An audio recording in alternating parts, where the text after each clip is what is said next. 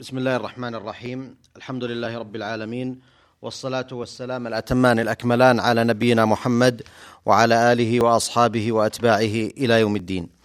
أيها الإخوة والأخوات السلام عليكم ورحمة الله وبركاته واهلا وسهلا بكم في لقاء متجدد من برنامجكم المسلمون في العالم مشاهد ورحلات.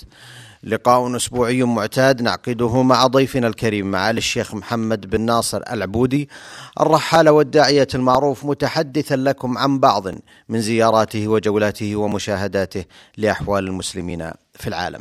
معالي الشيخ محمد في مطلع وبدء هذا اللقاء باسم مستمعي ومستمعات إذاعة القرآن الكريم يسرني أن أرحب بكم وأشكر لكم هذا التواصل المبارك في هذا البرنامج الناجح والمفيد بحمد الله. معالي الشيخ محمد إستونيا كانت حديثا لكم في عدد من الحلقات الماضية وأجزم أن هناك بقية من حديث لا زالت عنها في مشاهداتكم عن أحوال المسلمين هناك. آمل أن تتكرموا بمزيد من تلك المشاهدات خلال تفقدكم لأحوال المسلمين هناك. بسم الله الرحمن الرحيم الحمد لله رب العالمين وصلى الله وسلم وبارك على عبده ورسوله نبينا محمد وعلى آله وأصحابه أجمعين. أما بعد فإن الحديث وقف بنا في هذا البرنامج. في الحلقة السابقة حول إستونيا. ذكرنا أننا وصلنا إلى العاصمة ثم منها خرجنا إلى بلدة قريبة من العاصمة. وكل ذلك في مهمة لنا هناك وهي مهمة التمهيد لتنفيذ مسجد في كل عاصمة ليس فيها مسجد. وكانت تالين عاصمة استوريا عاصمة استونيا هي إحدى المدن التي رأت الرابطة أن تقيم فيها آه، مسجدا لأنه ليس فيها مسجد. على حين أنه يوجد عدد من الإخوة المسلمين المقيمين فيها وهم من المسلمين الأصلاء الذين أسلموا قبل 700 إلى 800 سنة لأنهم من رعايا آه، المملكة آه، مملكة الشمال الواسعة التي أسسها الملك بركة خان المغولي ابن عم جنكيز خان. فقد دخل في الإسلام وسلطه الله على هذا الطاغية الخبيث هولاكو ليس ابن عم جنكيز من ذرية جنكيز ولكنه ابن عم هولاكو فسلطه الله على هولاكو وهلك هولاكو بسببه. ثم حكمت تلك المملكة العظيمة حكمت شمال الأرض ونشرت فيه الإسلام. ثم دب الخلاف بين أفرادها كما حصل في بعض البلدان الإسلامية مع الأسف الشديد فقوي الروس واحتلوا البلاد بلاد المسلمين آه، كلها.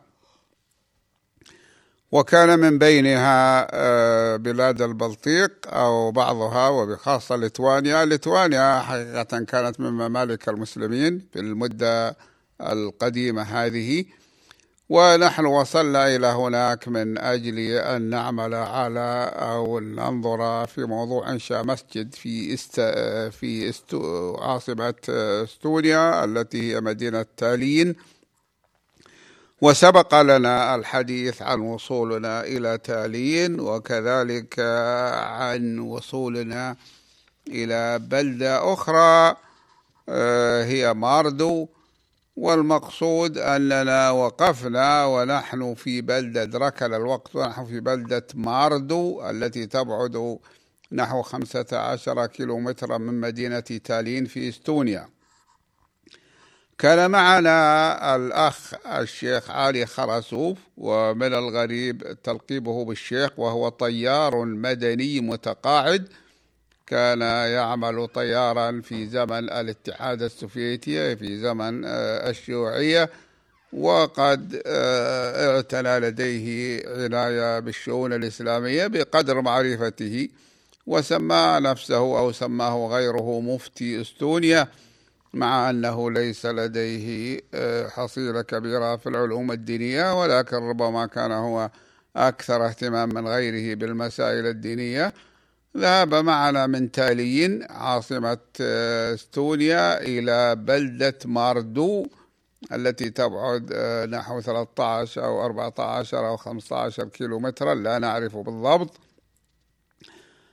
وقال لنا يجب أن تفاوضوا رئيس بلدية ماردو حول الأرض التي سيبنى عليها المسجد وكيفية شرائها. في الحقيقة كنا كما قلت قدمنا من أجل النظر في بناء مسجد في تالين ولكن هذه بلدة بجانبها فيها مسلمين نشطاء ولكنهم أقل. فقلنا له إننا غرباء ولا نعرف عن ذلك أي عن شراء الأرض شيئا والمفروض أنكم اشتريتم الأرض أنتم بعد أن تجتهدوا في معرفة ثمنها كما ذكرتم لنا. فقال ها نحن ليست لدينا نقود. ولا نستطيع أن نشتري الأرض. هذا أمر صحيح لأن البلاد خرجت لتوها عندما زرناها من الشيوعية والشيوعية كما قيل إنها تفقر الغني ولا تغني الفقير. فالحقيقة أن أهل البلاد عندما تركوا الشيوعية في روسيا والدول الدائرة في فلكها ومنها أو المدارة في فلكها ومنها أستونيا آه، كان صارت دولة آه، فقيرة جدا لماذا؟ لأن الشيوعيين لا ينظرون في المشروعات التي تعود على الشعب وإنما ينظرون في المشروعات التي تساعد على تثبيت النظام الشيوعي آه، واستمراره فقلت له لأخينا الأخ علي خراسوف الذي يسمى أو يسمى نفسه مفتي أستونيا وهو طيار سابق فقلت له إننا لم نحضر لشراء لشراء الأرض في مدينة في بلدة ماردو وإنما جئنا إلى تالين مدينة تالين العاصمة من أجل أن نرى الأرض التي فهمنا أنكم اشتريتموها ونعرف صلاحها لبناء المسجد عليها. آه، فقال آه، إذا نفاوض رئيس بلدية ماردو. قلت له إنها بلدة أخرى غير تالين. فكيف لنا أن نفاوض رئيس البلدية في شفاء شراء أرض لا نعرفها ولا نعرف أقيام الأراضي حولها؟ فقال لك علي خرسوف أن البلدية محتاجة إلى نقود ولذلك تبيع الأراضي الآن بسعر رخيص. فقلت إن هذا جيد لكم إذا أردتم بناء مسجد في هذه البلدة التي هي ماردو. أما نحن فإن عملنا ينحصر في رؤية أرض في العاصمة تالين لنبني عليها مسجدا بنفقة رابطة العالم الإسلامي وذلك في برنامج مسجد لكل عاصمة ليس فيها مسجد. وهذه البلدة مارد وليست بالعاصمة فقال لقد أخبرتهم بقدومكم لشراء الأرض ولذلك لا بد من أن تذهبوا إلى البلدية أي بلدية ماردو فتجتمعوا برئيس البلدية. ويقع مبنى البلدية في مكان غير بعيد من الأرض التي ذكر أنها هي المعروضة للبيع وهو مؤلف من طابقين. المبنى صعدنا للطابق الأعلى مع درج جيد فاستقبلنا رئيس البلدية واسمه جورجي وقد نسيت بقية اسمه. فرحب بنا ترحيبا حارا لأننا فهمنا من الأخ علي خرسوف أنه كان أخبره بقدومنا مسبقا.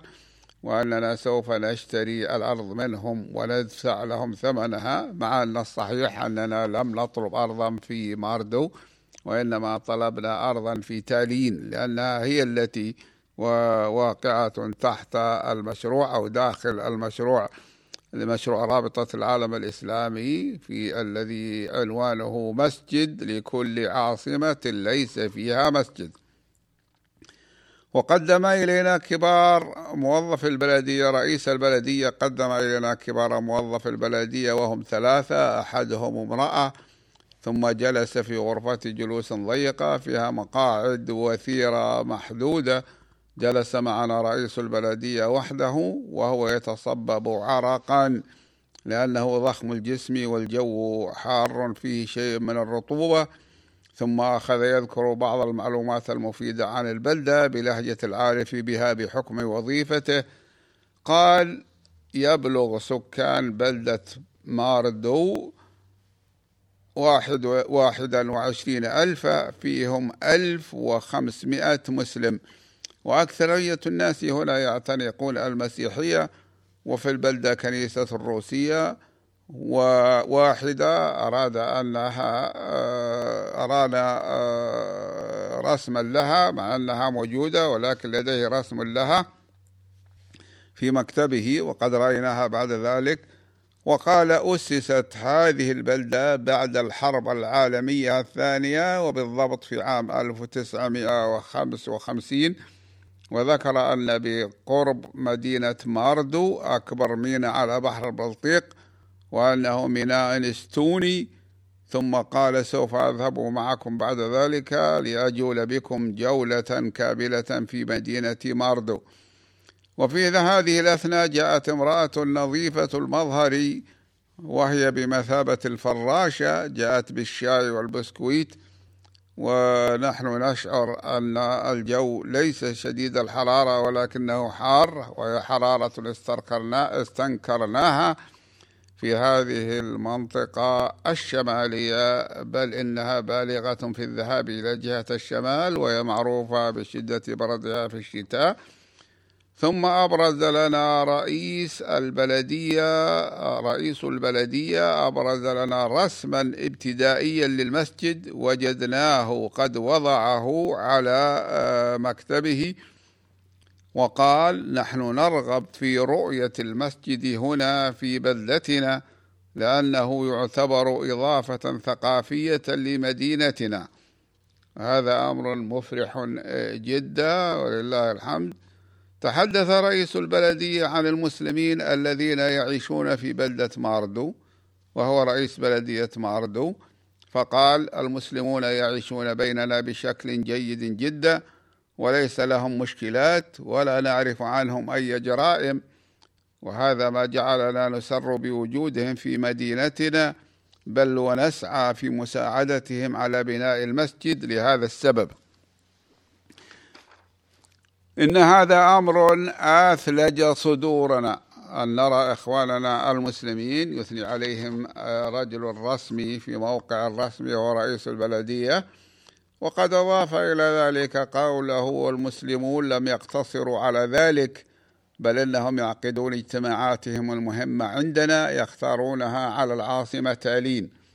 قال وأقرب اجتماع عقدوه كان قبل شهر وأعلنوا فيه أنه سيبنى هنا مسجد. بل أعلنوا ما هو أهم من ذلك وهو أن المسلمين يأتون إلى هذه البلدة ليصلوا مع أهلها صلاة العيد فيجدون فيها تسهيلات منا لهذا لهذا الغرض. قال إنما آه قال إن الذين صلوا العيد الأخير هنا قد قدر عددهم باثني عشر ألف شخص. وقلت لصاحبي ورفيقي في الرحلة الأخ الأستاذ رحمة الله بن عناية الله بالعربية إن هذا لم يقله لنا الأخ خرسوف الذي يعتبر رئيس الجمعية الإسلامية في إستونيا ومقره تالين. عندما أنهى رئيس البلدية كلامه شكرته على ما تفوه به من عبارات ودية نحو المسلمين فقلت له إننا سررنا كثيرا لما ذكره عن عدم وجود مشكلات بسبب المسلمين لأن هذا يدل على أنهم يتمسكون بتعاليم الإسلام الحنيف التي لا ترضى الضرر لأحد من المواطنين بل إن المسلم ينبغي له أن يكون مواطنا صالحا في بلاد الأقليات وأن يحرص على مصلحة البلد الذي يقيم فيه يعني بمعنى مصلحة المصلحة العامة برعاية المشروعات النافعة آه، لسكانه وأن يساعد أهله على ما فيه خير الصالح العام للجميع. مثل المحافظة على المنشآت المهمة ومثل الاشتراك في الأعمال الخيرية التي يقصد منها مساعدة المحتاجين والأيتام مثلا. وأيضا يجب على المسلمين ألا يقتصروا على كف الأذى عن الناس بل يجب أن يقوموا بالمساعدة على ما فيه النفع العام للمواطنين عموما. وهذا بطبيعة الحال مشروط بما لم يخالف شيئا من مبادئ الدين الإسلامي.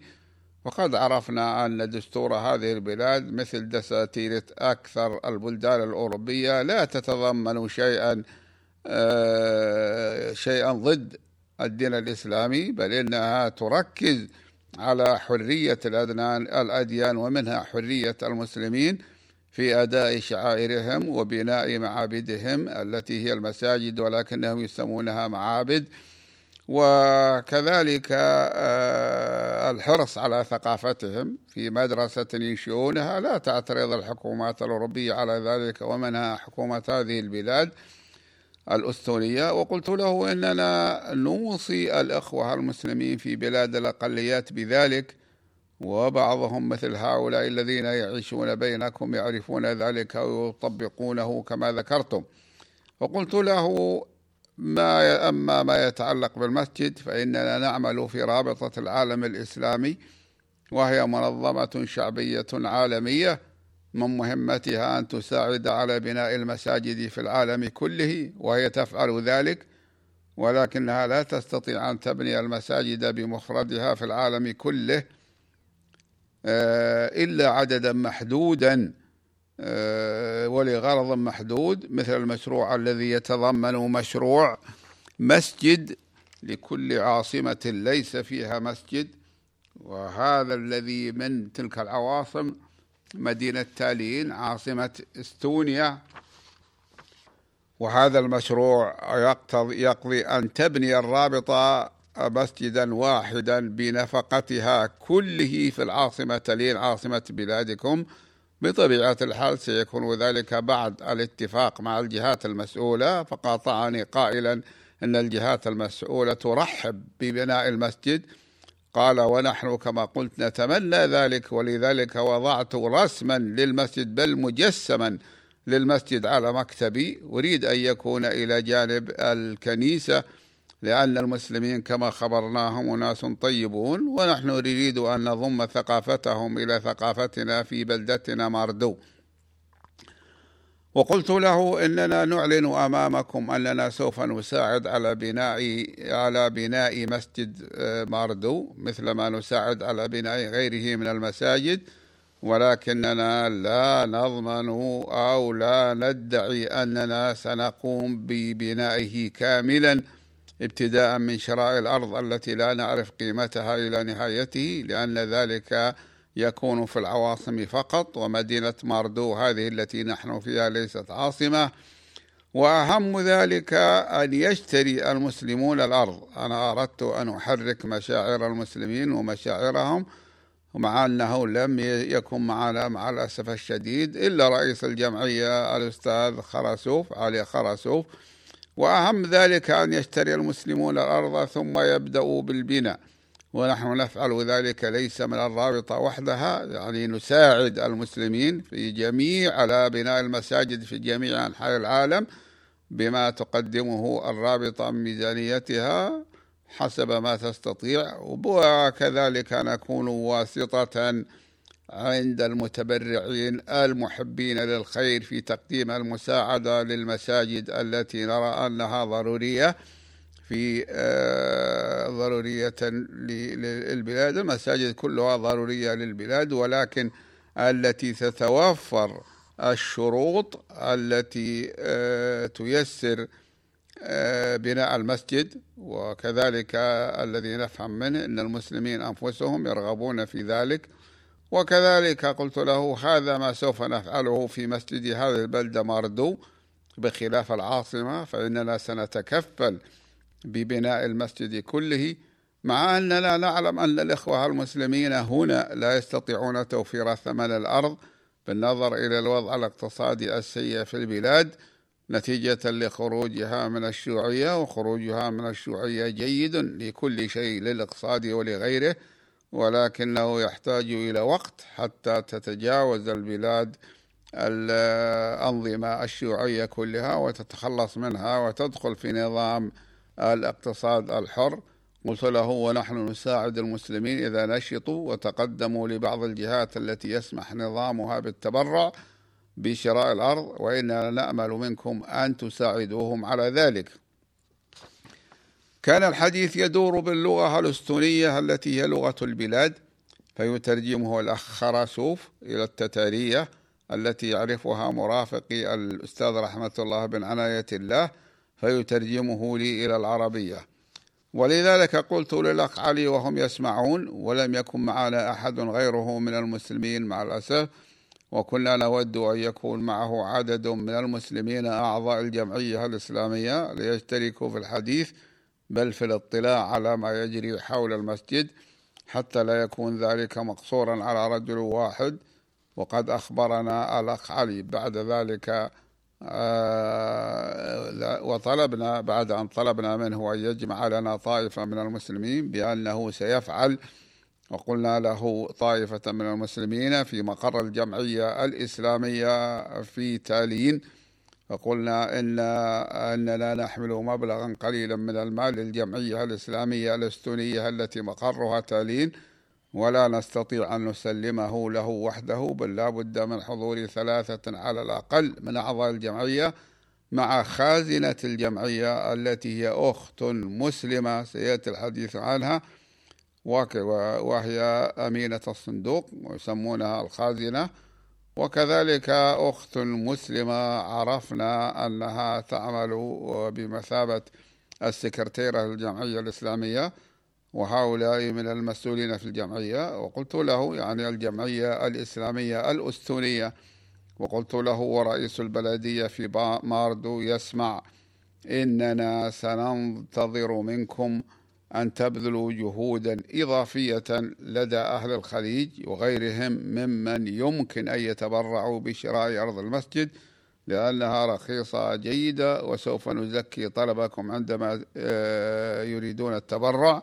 قلت له ذلك لأن كثيرا من الأخوة المسلمين وبخاصة في أقطار الخليج العربي إذا تقدمت إليهم جمعية ليس لديهم معلومات عنها فإنهم يسألون في رابطة الإسلامي عن حقيقة طلبها وعما هي أما إذا كانت موثوقة أم لا.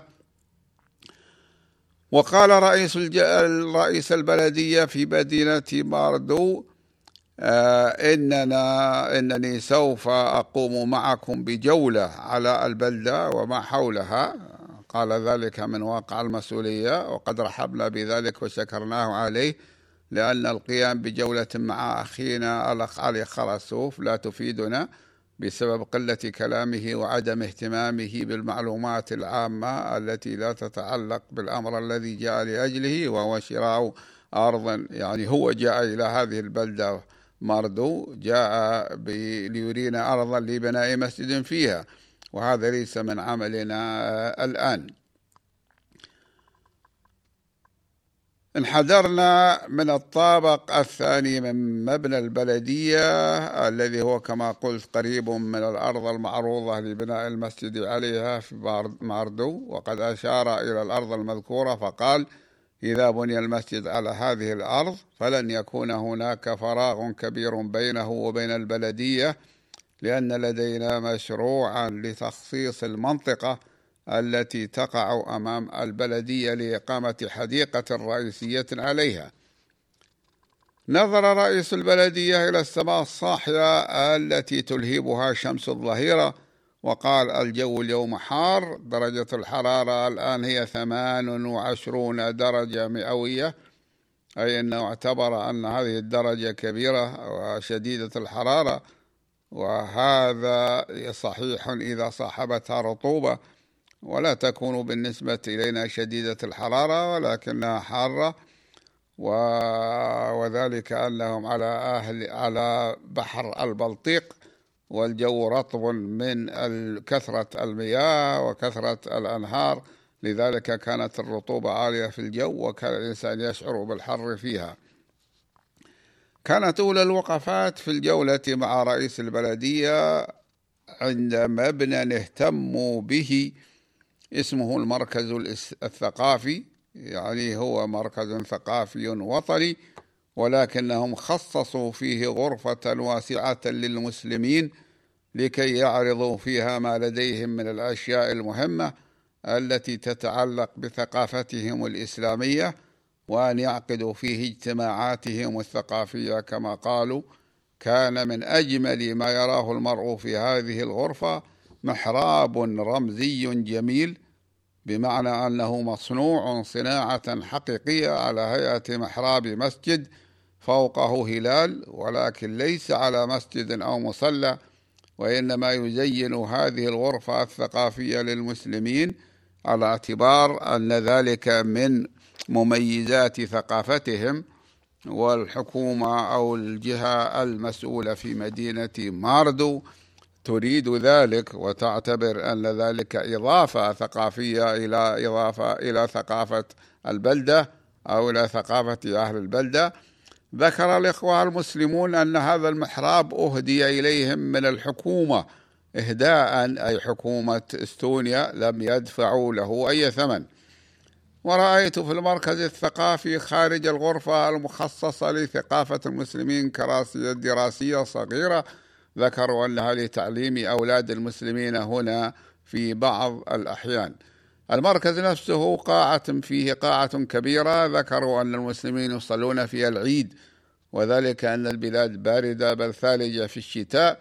ولا يستطيع المسلمون أن يؤدوا صلاة العيد في الأماكن المكشوفة كالحدائق والميادين. لذلك تسمح لهم الدولة باستعمال هذه القاعة في المركز لصلاة العيد.